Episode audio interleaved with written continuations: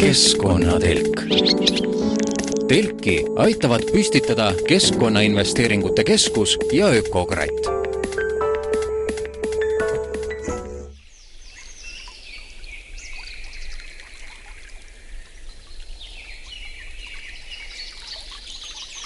tere! keskkonnatelk taas alustab, mina olen saatejuht Kadri Valner ja täna stuudiost eemal.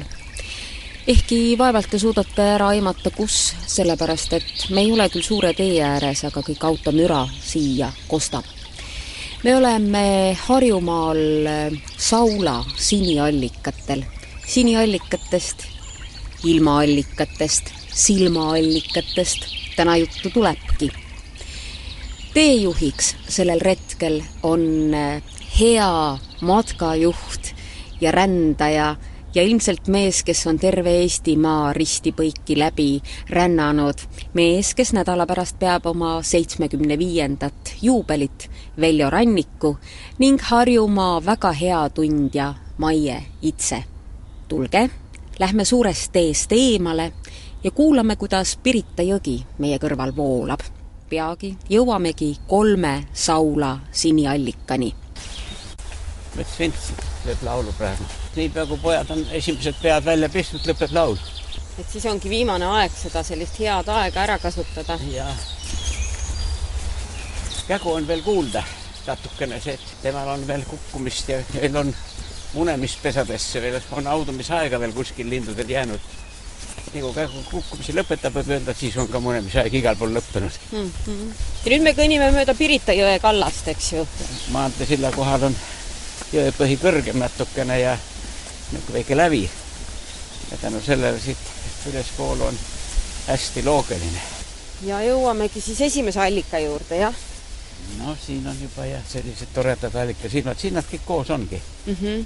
Nad kõik koos ongi ja siin on ka tore platvorm, kus on võimalik allikavett rööbata üks allikatest, see võib-olla avana kõige suurem, aga mitte kõige atraktiivsem, kaunimad allikad jäävad natukene edasi.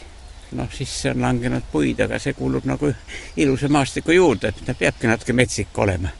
ei pea ju kõik nii puhtaks lihvitud olema, kõik välja võetud, aga noh, siin on jah, niisugune parvekene tehtud ja mm -hmm. ja, ja siis on võimalik isegi siit minna sisse suplema, kes on külma närviga, et julgeb allikas ööda. allikas on külm.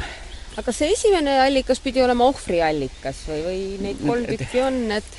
tegelikult tõenäoliselt ohverdati mõlemile. ohverdati sealt, kus on näha, et allika põhjast hoovab vett ülesse mm. -hmm. see on nagu vastus, tähendab, oli niisugune pärimus kui tuldi allika juurde ja taheti teada saada oma kallima nime siis tüdruk kõik oma võimalikud kavaleride nimed hüüdis allika vee kohale ja kui siis allikas pahinalt põhjast tõusva vooluga andis märku, siis see oli see poiss, kellega tuli arvestada kui kallimaga ja tulevase mehega. nii et siit käidi jah, oma tulevast meest niiviisi ennustamas, allikas andis märku tõusva veega, mitte iga Jaani Juhani peale ei tõusnud, aga Mihkli peale tõusis see. On hoopis teistsuguse põhjaga allikas, hoopis heledam ja siin on neid seda mullitamist ikka näha ka. nojah, siin on põhjas hõljum, mis on pae, no paes kujunenud savine hõljum.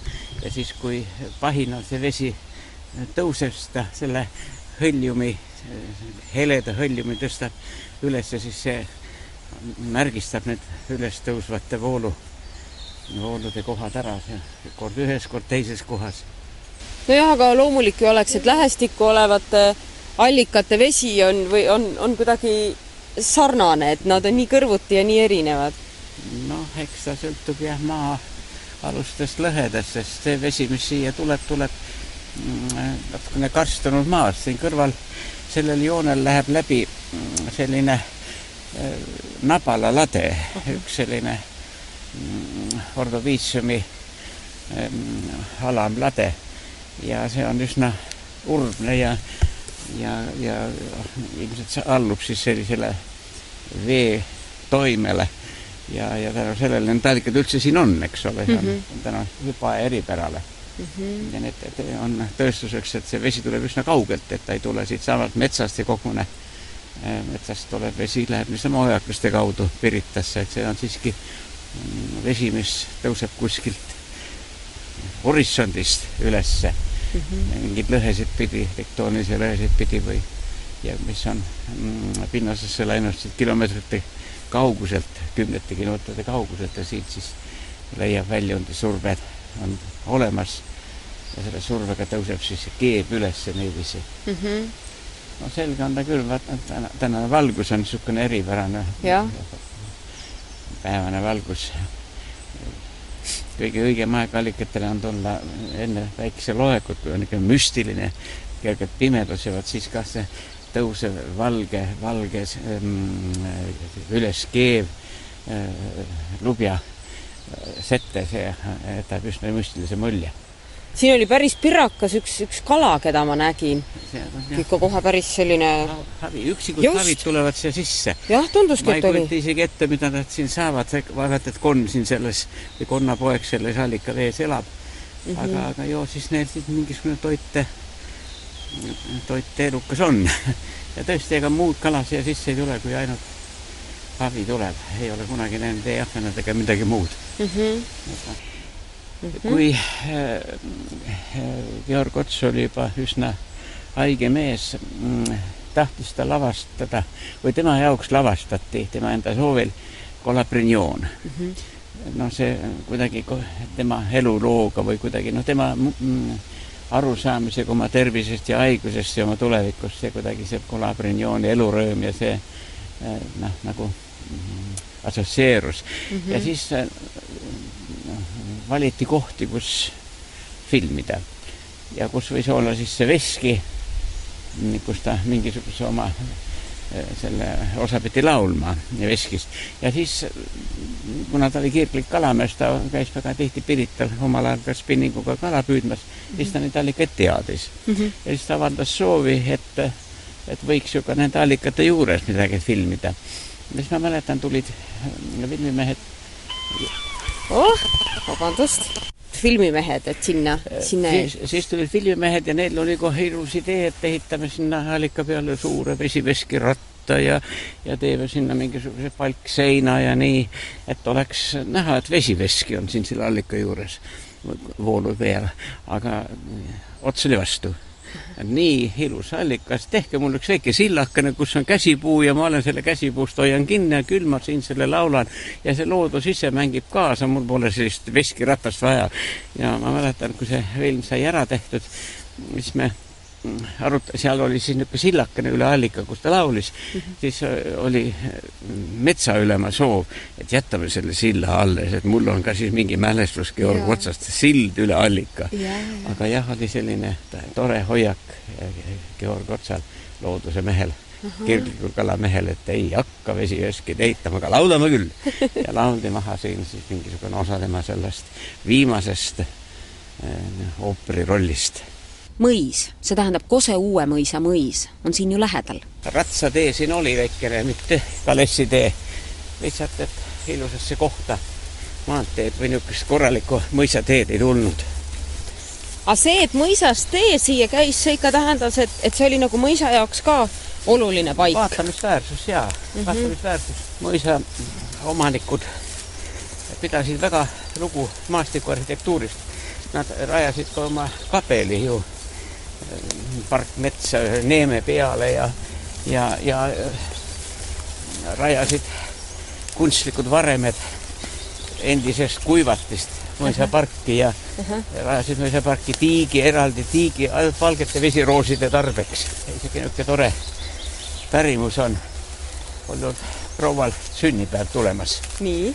õhtul siis viis härra oma proua parki jalutama endise kuivati, noh, kuivati juurde sinna ja, ja siis hommikul, kui oli proua ärganud, viis proua saali ja laskis avada proual saali aknakardinad ja selle koha peal, kus nad eile jalutasid, kus oli veel kuivati, olid kunstlikud varemed, kunstlike varemete ees ilus tiik valgete vesirooside tarbeks. Need allikad pidid olema tervendava mõjuga, lugesin ma, et selle kohta on rohkelt pärimust, et tähendab, on eestlastel äh, iidne usk, et äh, allikaveega silmi pestes saab silmi ravida. vot oli ju nii, et suitsutaredes kummitas vana eestlasi väga tõsine haigus, trahoom. ja üks põhjus oli reheahi, mille suits oli pidevalt tares ja ja, ja see kahjustas inimeste silmi ja siis seda peetigi mingil viisil lausa eestlaste haiguseks, seda Karl Edlevan Päär uuris väga põhjalikult eestlaste endeemsed haigused ja muuhulgas ta mainis ka, et üks põhjus on suitsuahjust äh, taredes äh, tekitatud silmakahjustused. ja siis tol ajal peeti siis üheks kindlaks vahendiks, millega sai silmi ravida, puhast allikavette mm -hmm. puhast allikavett ja selles oli ka mingisugune mõte. Allikavesi on, on just äsja maa seest tulnud tänu sellele ta on ikkagi mikroobide vaba. Ja, ja, ja puhas ka kahtlemata muudest õljumitest ja, ja see oli tõepoolest raviv, nii et sellepärast väga paljud allikad kannavadki nime silmaallikas, silmaallikas äh,, raviallikad, no näiteks kuused alatskivi mm, liivakivist kanjoni kaldal väljuvad allikad olid kõik kuulsad silmaallikad mm, -hmm. kust siis hangiti äh, ravivat puhast vett silmadele aga siis vast üks teine allikaliik, mida eh, ka väga tähtsaks peeti, olid ilmaallikad. no, no näiteks Laiuse mäe peal, nii naljakas kui see ka ei ole, mäe kõige kõrgemal osas on suur lohk. nii? Ta on natuke soostunud, seal on niisugune madal soovõserik peal, aga keset seda on allikas ta on küll väikene, aga ta on olemas. no ja sinna nüüd on asetatud niisugune tünn sisse, see on nagu vee all, nii et, nii et see kunagi kinni ei kasva, aga noh, külje pealt ikka nagu rohtu peale tuleb. ja seal oli väga tore legend juures, miks ta oli ilmaallikas. kui on tükk aega ilm mm, kuiv, siis saadeti kolm tütarlast, leidsid, pidid selle juures olema ja pidid olema puhtalt riietatud, korralikult riietatud valgetesse riietesse, saadeti allikale ja nad pidid, eh, juhul kui oli ilm olnud kuiv, ehm, puhastama allika silma ära sissevalguvast rohust ja õljumist. siis läks vihmale. siis läks vihmale ja kui vastupidi, oli olnud pikka aega vihmane, siis jälle need kolm neiut pidid minema sinna ja pidid ähm, allika silmale äh, tooma külje pealt rohtu peale, et allikas kitsamaks läheks, väiksemaks läheks, siis muutus ilm jälle soodsamaks. ükskord oli olnud segadus, ei tulnud, käisid tüdrukud küll, kolm tüdrukut käisid ja ei paranenud. aga siis üks tark inimene tabas ära, üks tüdruk polnud enam süütu ilma ennustajad peaksid seda teadma, et, et, et kindel olla, et äkkesse läheb ilma ennustust, peaks allikal ära käima. Või siis lihtsalt süütu olema. või, või jah ka seda. esimesest korrast, kui mina siin, siia siniallikatele sattusin, siis ma ei mäleta enam, kes oli see giid või teejuht, kes rääkis, aga mul see metsarada on senini silmade ees ja siis äh, ühe allika juures rääkis ta sellise loo, et siin äh, läheduses oli elanud siis üks äh, pere, kus pärast laste kodunt äraminekut äh, siis mees oli hakanud urisema naise kallal, et tead, mina pean ikka noore naise endale vaatama, et, et sina oled nii kortsus ja nii vanaks jäänud, et, et kuidas ma nüüd siis sedasi vana naisega, nii kortsus naisega magan ja olen ja noh, alguses naine võttis huumorina, aga, aga mehel oli jutul nagu ikka tõsi taga, et ta seda mitu päeva siis niimoodi korrutas ja lõpuks naisel jäi hing haigeks, et mine tea, et võib-olla lähebki ära sealt päris üksi, lapsed ka kodunt ära läinud.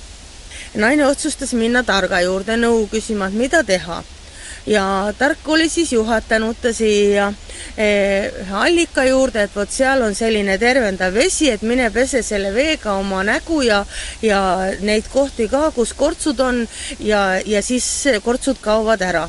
Eh, siis oli hoiatanud veel, et, et ära liiga palju pese, et sellel veel on eh, pikaajaline mõju noh, naine võttis ja leidis siis selle metsaraja ülesse ja leidis selle allika ka ülesse. noh, kirjelduste järgi peaks ta siis sellele rohelisele allikale sobima, et kus see taimestik peal oli mm. -hmm. ja, ja siis õhtul mees läheb koju naist kodus ei ole. esimene õhtu päris hea meel, et tead, et polnudki vaja, eks ju, ise ära minna, et naine ise ära läinud. Läheb järgmine õhtu koju, siis oli juba mehel meel kurb, polegi naist, ei ole sööki tehtud, tuba on külm, hakkasid kõik probleemid, eks ju, tunda andma, mida siis naine teinud oli ja kui kolmandal päeval ka mees koju tuli ja ikka naist kodus ei olnud ja külm kodu ja tühi kodu vastu võttis, siis otsustas mees omakorda targa juurde minna nõu küsima, et temal sihuke lugu, et naine kadunud juba kolm päeva. tark küsib siis mehe käest, et mis sa siis naisega tegid. ei, mina ei teinud talle midagi, aga noh, eks ma urisesin jah, ja siis rääkis oma loo ära, kuidas ta siis naise kortsude üle urises. tark küsib siis mehe käest, et oled sa ikka kindel, et sa naist tagasi tahad saada täiesti kindel, oled sa ikka veendunud, et sõltumata sellest, milline ta välja näeb, mees ütleb täiesti kindel, sõltumata sellest, milline ta välja näeb, siis tark juhatab mehele teed, et no vot, kui sa tahad oma naist leida, et, et siis mine sinna, et ta kindlasti seal selle allika juures mees siis läheb jah, ja, ja leiab selle metsarajaga ülesse ja päris pikk maa minna, mõtleb, et no mida see naine siia ometi tuli ja lõpuks jõuab siis selle kirjeldatava allikani ja ja vaatab niimoodi, et jah, see tark on mind petnud, et allikas see võib nüüd küll olla, aga naist siin küll näha ei ole, et ja kui ta oli siis niimoodi mõelnud, et ta on petta saanud, siis rohu vahelt tegi naine lapse häält. naine oli läinud allikale ja mõelnud, et noh, mis see pesemine, et ma olen ikka nii kortsus ja mees nii palju virisenud mu kallale, et, et läks üleni allikasse. allikad jah, on läbi aegade olnud eestlasele pühad kohad ja ohverdamine mm, allikatesse on, on üsna äh, levinud pruuk, näiteks kummaline küll, aga mm, Helme linnuse juures on kah allikas, väike allikas, mis äh, kunagi Linnamäel olevaid eestlasi äh, varustas veega ja hiljem ta kah oli olemas, teda ei aetud kinni, kui ehitati korralik kordolinnus sinna vanaeestlase maalinna kohale aga allikal ikkagi käidi ja seal oli nii, et tuli visata helmeid allikasse, siis äh, see kindlustas helme viskavale tütarlapsele lasteõnne ja, ja, ja, ja muid õnnesid ka, mis naisterahval vaja on, aga eelkõige ikka lasteõnne, nii et sellest ongi siis niisugune tore kohanimigi, et Helme. noh, niisugune pärimus selle kõige juures veel. Nii et allikaid on läbi aegade ikka eestlased väga pühaks pidanud ja, ja vett toonud aga siniallika nimelisi kohti on ju ka mitmeid. no see tõestab, et seal on olnud allikad, mis on tõusnud äh, maa äh, sügavusest ja, ja toonud äh, üles siis lupja lübekividest ja siis nad on ka sinise veega. ma siiski ütleksin, et kõige müstilisemad siniallikad on äntusiniallikad, need on veel säilinud, siin on näha, ta kasvab kinni kuidagi ja maaparandus on kaugemal tagamaadel mõjutanud allikate äh, äh, veetaset oluliselt. Äh, albu all olid väga ilusad siniallikad, need kadusid peale suurt maaparanduse pehki praktiliselt täiesti ära. aga, aga jah, mõnes kohas nad ikka veel säilinud on endises ilus ja need kahjuks siin hakkavad nagu natukene metsastuma, tuleks need natuke puhastada jah, ja kui siiakanti karjäär tehakse, siis võib arvata, et need allikad hoopiski no, kaovad, eks ju, et jah. kõik see Tuhala ja kõik see kant. karjäär seda kanti vist ei ohusta, kuid ta ohustab nõiakaevu ja mm -hmm. Tuhala jõge, maa-alust jõge. seal on natukene teine olemus, need ei ole klassikalised allikad, need on maa-aluse jõe lähtekohad, jõgi läheb ähm, Tuhala kiriku tagant kuskilt mm, lõuna poolt äh, maa lõhedesse, maa alla ja, ja siis Äh, läbib erinevaid äh, lõhesid pidi paraja pika tee, kuni siis tõuseb uuesti allikatena maa peale.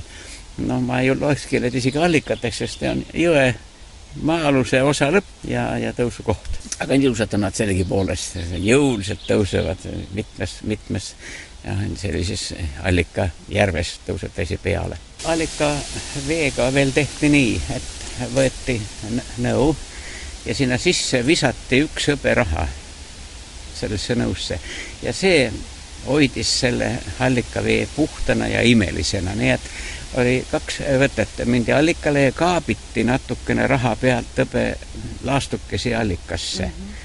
Ja siis võeti seda allikavett ja teine variant, et võeti lihtsalt allikavett ja visati see hõberaha sinna eh, pudeli põhja või, või nõu põhja ja, ja siis see hoidis, absorbeeris enda pinnale siis kahjulikke baktereid ja hoidis vee puhtana, nii et hõbe ja allikas kuuluvad kokku. keskkonnatelk. telki aitavad püstitada Keskkonnainvesteeringute Keskus ja Ökokratt. Keskkonnatelk jätkub ja solistame veel pühades allikates, rüüpame siinset vett peseme oma nägu, vaadates, kas nahk läheb nooremaks ja kuulame, mida on rääkida allikatest Marju Kõivu puhul.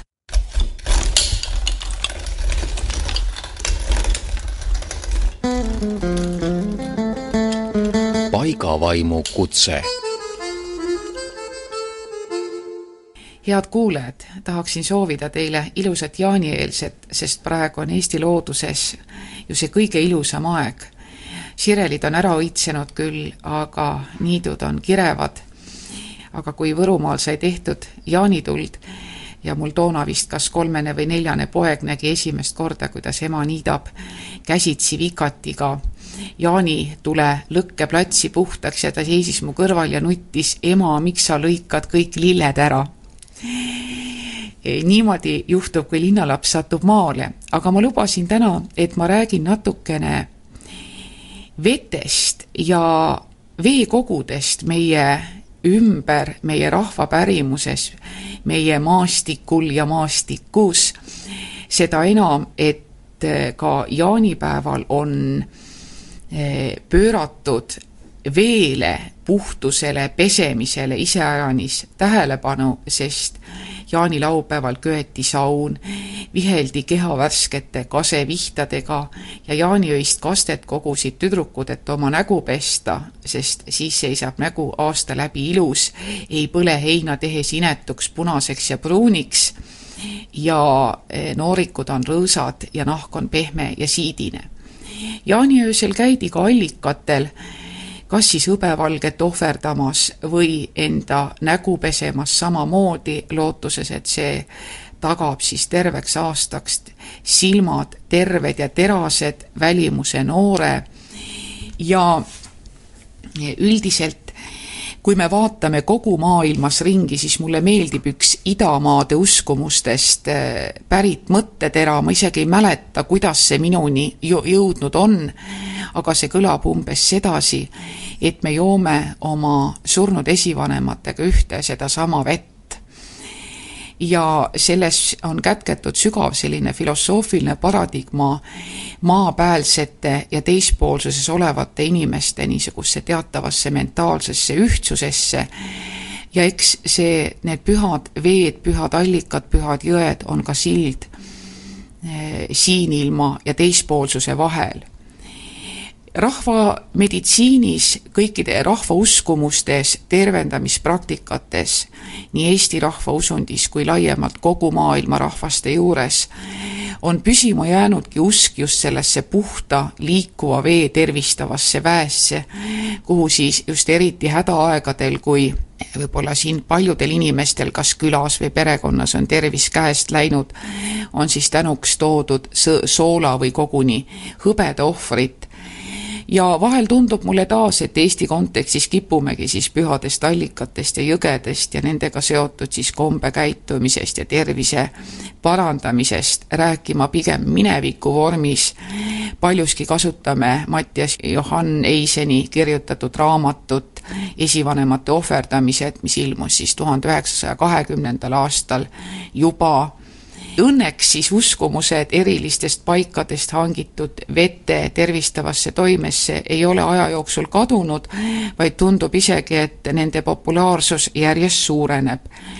no ja ühelt poolt kindlasti on selle põhjuseks tänapäeval ka teatavad sellised sotsiaalmajanduslikud põhjused, aga ka ökoloogilised, kus inimesed püüavad järjest rohkem looduslähedasemate eluviiside poole kuigi samas on hästi naljakas, et kaupluse kettides pakutakse plastikust valmistatud igas mahus joogiveepudeleid ja nende selliste joogiveepudelite lahutamatuks toote tutvustuseks on siis ka muidugi joogivee eriline ainukordne päritolu puhtast loodusest, et see on niisugused teatavad käärid seal kahtlemata on pühade allikatega kahtlemata on väga tihedalt seotud ka hiiepärimus ja selles osas võiks ka siinkohal teha selline austav kummardus eh, Taara ja maausulistele, kes meie looduslike pühakohtade, sealhulgas ka pühade allikate mm, väärtustamise eest on hea seisnud, seisnud ja samuti siis on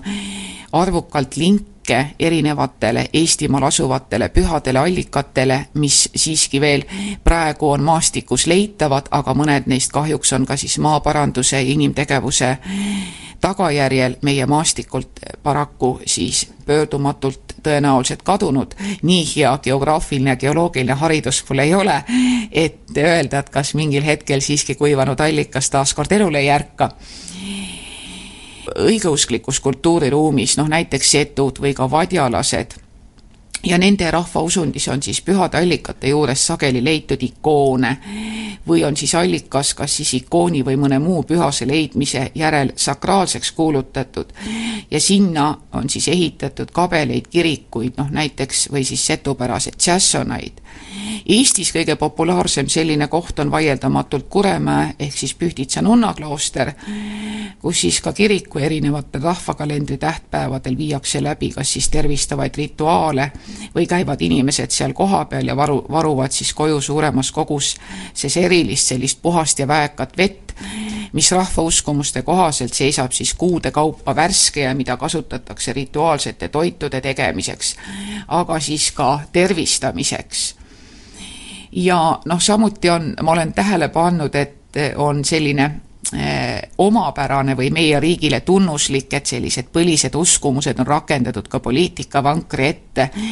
panin tähele, et Tallinnas siin enne kohalikke ja Riigikogu valimisi üks teatud erakond siis poliitikute kulul, aga siis valijarahvale tasuta korraldati veeretki Kuremäele ja teistesse pühakohtadesse no ühelt poolt võib siin tõmmata paralleele ka rahvusvaheliselt tuntud palverännakute praktikaga, aga kuidagi nagu teatavad küsimärgid jäävad õhku rippuma, kui siis inimesed tulevad vahetult enne valimisi meelde, et neid siis viia tervisevetele.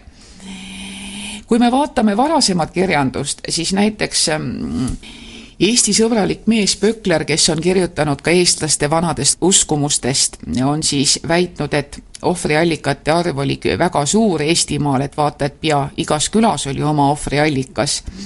ja neid allikaid on olnud siis lausa erinevat liiki, ilmaallikad ja eluallikad ja pühaallikad ja silmaallikad no ilmaallikatena eh, on siis kõige tuntumad olnud sellised allikad, millest on saanud alguse pühad jõed, nagu näiteks Võhandu jõgi või Voo jõgi. või siis, kuidas teda siis kusagil on kutsutud, Eestimaa kõige pikem, noh, sellest oleme vist ka rääkinud, et mida suurem veekogu on, seda erinevaid eh, nimetusi ta kannab, sest iga, igas nurgas hüütakse seda veekogu või seda jõge või järve nii, nagu kohapeal on harjutud nimetama ja need pühad jõed on rahvauskumuste järgi siis põhjatud, et iga surelikku, kes proovib seda jõe sügavust mõõta või ka järve või, või allika sügavust mõõta, siis tabab üleloomulike olendite selline karistus ja aast-, mitmete aastate pikkude ebaõnn. no üks tunnus, tunnuslik Äh, lugu, mida pühade jõgede või allikate või pühade veekogude kohta räägitakse, on see, et kui sellised uskmatud püüavad tema sügavust ära mõõta ja siis heidavad sinna äh, köie ja hakkavad vaatama, et kui sügavale saab köit lasta, siis nad tõmbavad tavaliselt välja verise oina või soku pea ja e, siin Võrumaal ühe järve kohta räägiti, mis on ka põhjatu sügav räägiti ka seda lugu, et et see oli nagu võimendatud selline nõukogudeaegne pärimus, et väidetavalt oli sinna siis uppunud e, Vene tank, kes oli üritanud sellest järvekesest läbi sõita, arvates, et see on võimalik.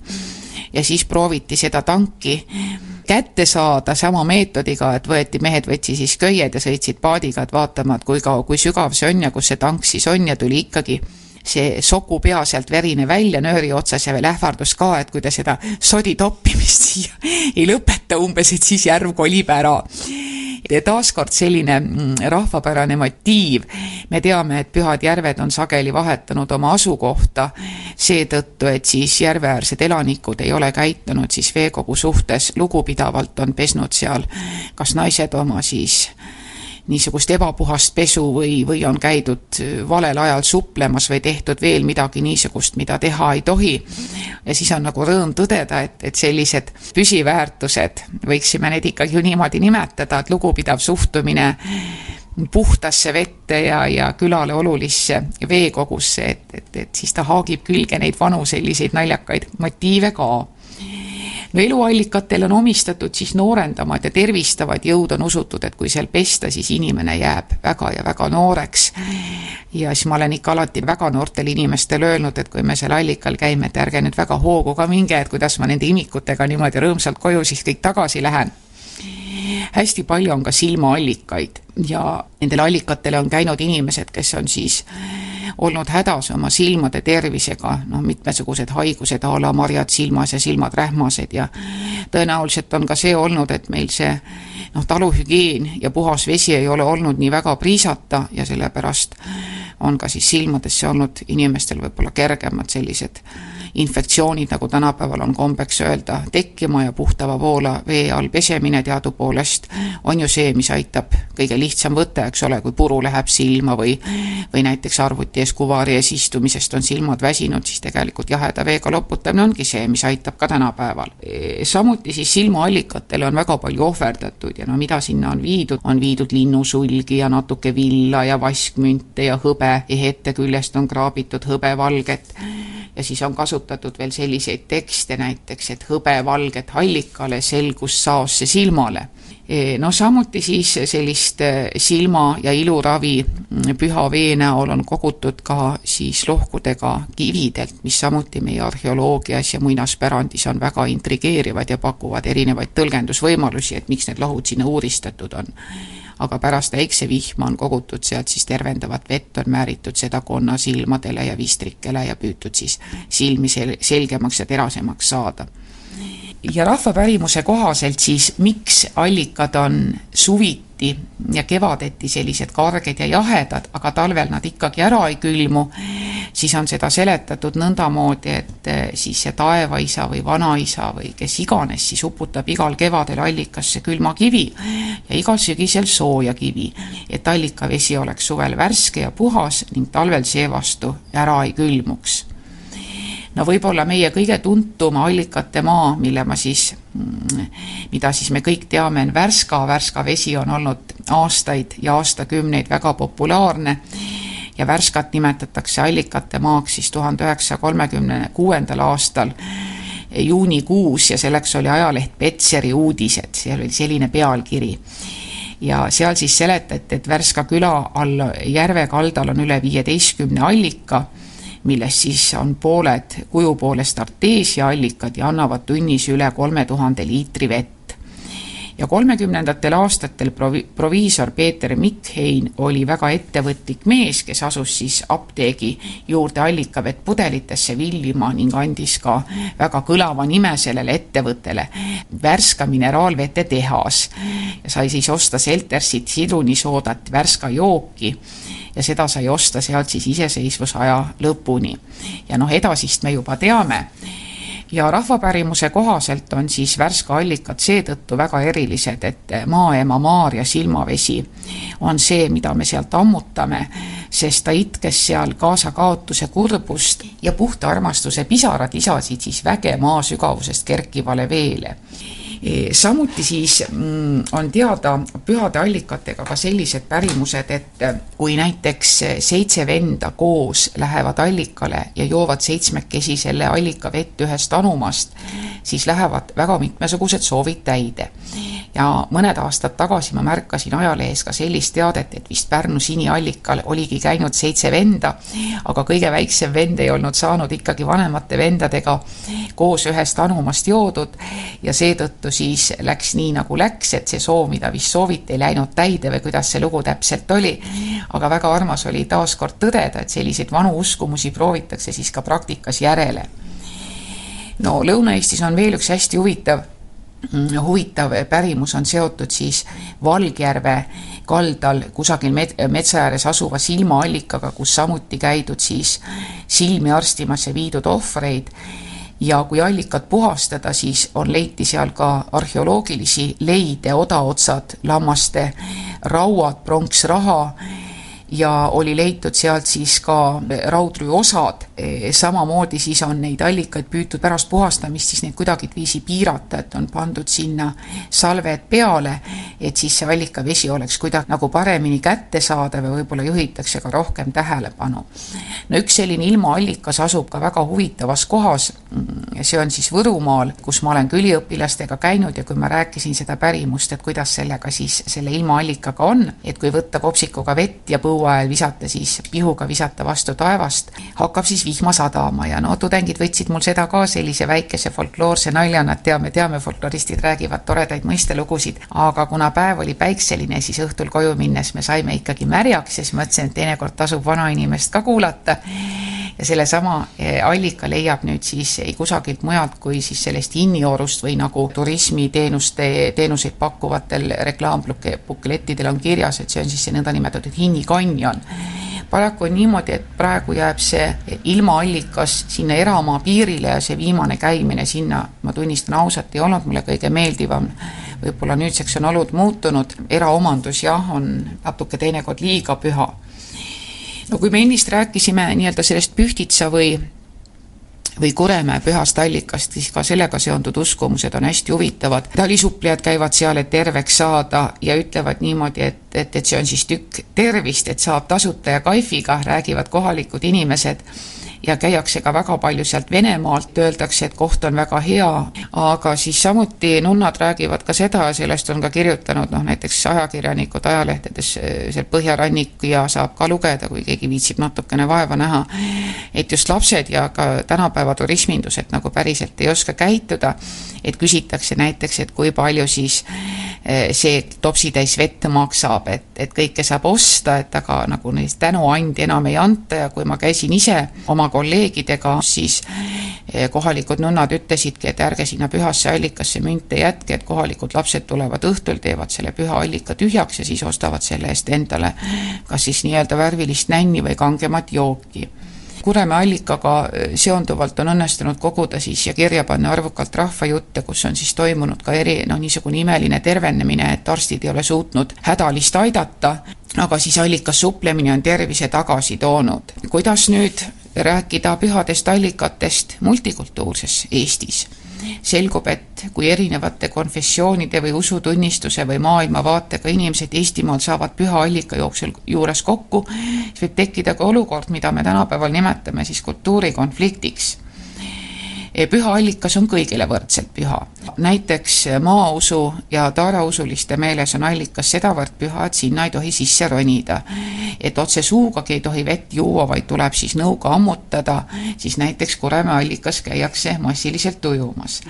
ja mõlemad toimivad oma arusaamade kohaselt ja mõlemal on ju õigus, et kuidas siis seda lahendada ja kuidas siis sellisel puhul käituda et kui siis sellesama püha allika juures, nagu ma ütlesin, saavad kokku eri usku, eri maailmavaatega inimesed, et need on väga delikaatsed teemad, millele ka ilmselt tuleb hakata Eesti ühiskonnas tähelepanu pöörama ja kuna setude jaanipäev on natukene hiljem, siis võib-olla mõne sõnaga ka Annekivist, kuhu siis samuti just eriti viimasel ajal hakatud väga palju käima, ilmselt ka seetõttu, et see Anne, annepäeval ohverdamine, jaanipäeval ohverdamine ja sellele kivile ande jätmine, jõest tervise otsimine, on siis toonud ka juba masse kohale niivõrd, et, et inimesed ka tunnevad, et, et see hakkab nagu selle allika pühadust pisut kas kurnama või kahjustama mul oli Saaremaal aastaid tagasi ka ühe püha allikaga selline kogemus, et, et tänu headele tuttavatele ma sinna sattusin ja ma jätan selle paiga ka nimetamata, et nad ise ütlevad ka, et see on selline püha allikas,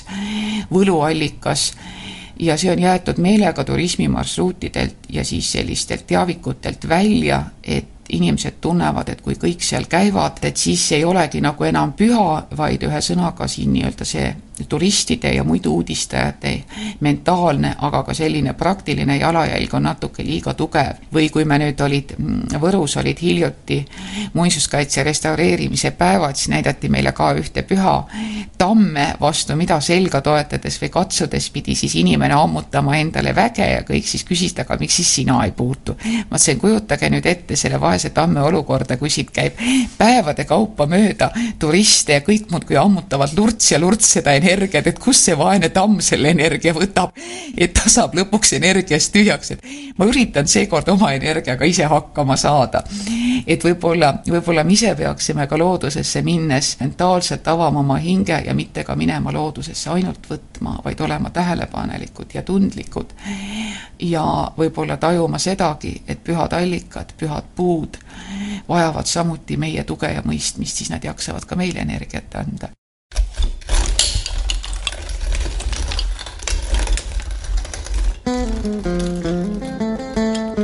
Paigavaimu kutse.